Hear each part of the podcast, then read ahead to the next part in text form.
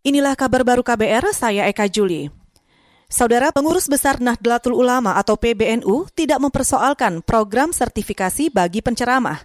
Namun PBNU menilai semestinya yang berhak mengurus sertifikasi adalah organisasi keagamaan masing-masing dan bukan Kementerian Agama.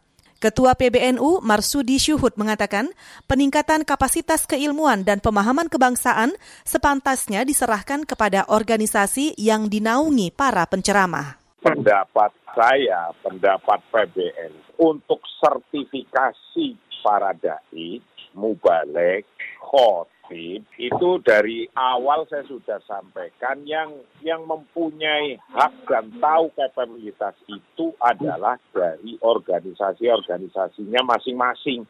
Dia yang mensertifikasi mestinya misalnya adalah Nahdlatul Ulama. Oh, mensertifikasi dai-nya. Ketua Pengurus Besar Nahdlatul Ulama atau PBNU, Marsudi Syuhud juga menambahkan, Semestinya masing-masing ormas bertanggung jawab terhadap para penceramahnya.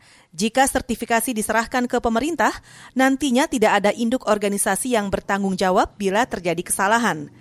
Sebelumnya, Kementerian Agama berencana menggelar sertifikasi bagi 8 ribuan penceramah.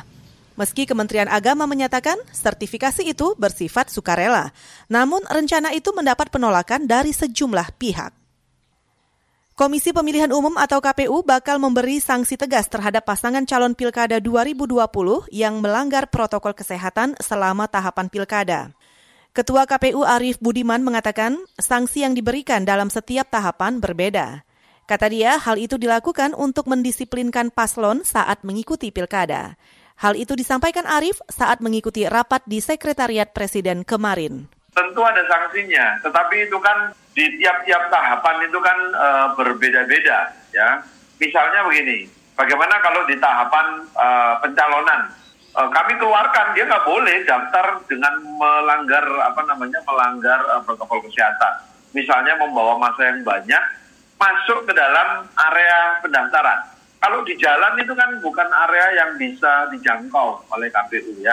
Kami membutuhkan dukungan dari e, aparat keamanan. Ketua KPU Arief Budiman menambahkan, sanksi juga dapat diberikan bila pasangan calon melanggar protokol kesehatan saat kampanye. Sanksi bisa berupa penghentian kegiatan kampanye. Sementara itu, Ketua Badan Pengawas Pemilu atau Bawaslu Abhan menyebut, selain sanksi administratif, pasangan calon yang melanggar protokol kesehatan juga bisa dikenai sanksi pidana.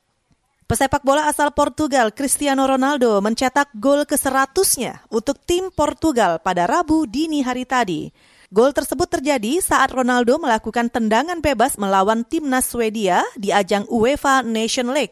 Dalam pertandingan itu, Ronaldo belum puas dan kembali mencetak gol ke-101 melalui tendangan bebas dan memberi Portugal kemenangan 2-0. Pemain berusia 35 tahun itu menjadi orang kedua yang menembus 100 gol untuk negaranya setelah Ali Dai. Ali Dai mencetak 109 gol selama berkarir bersama tim nasional Iran.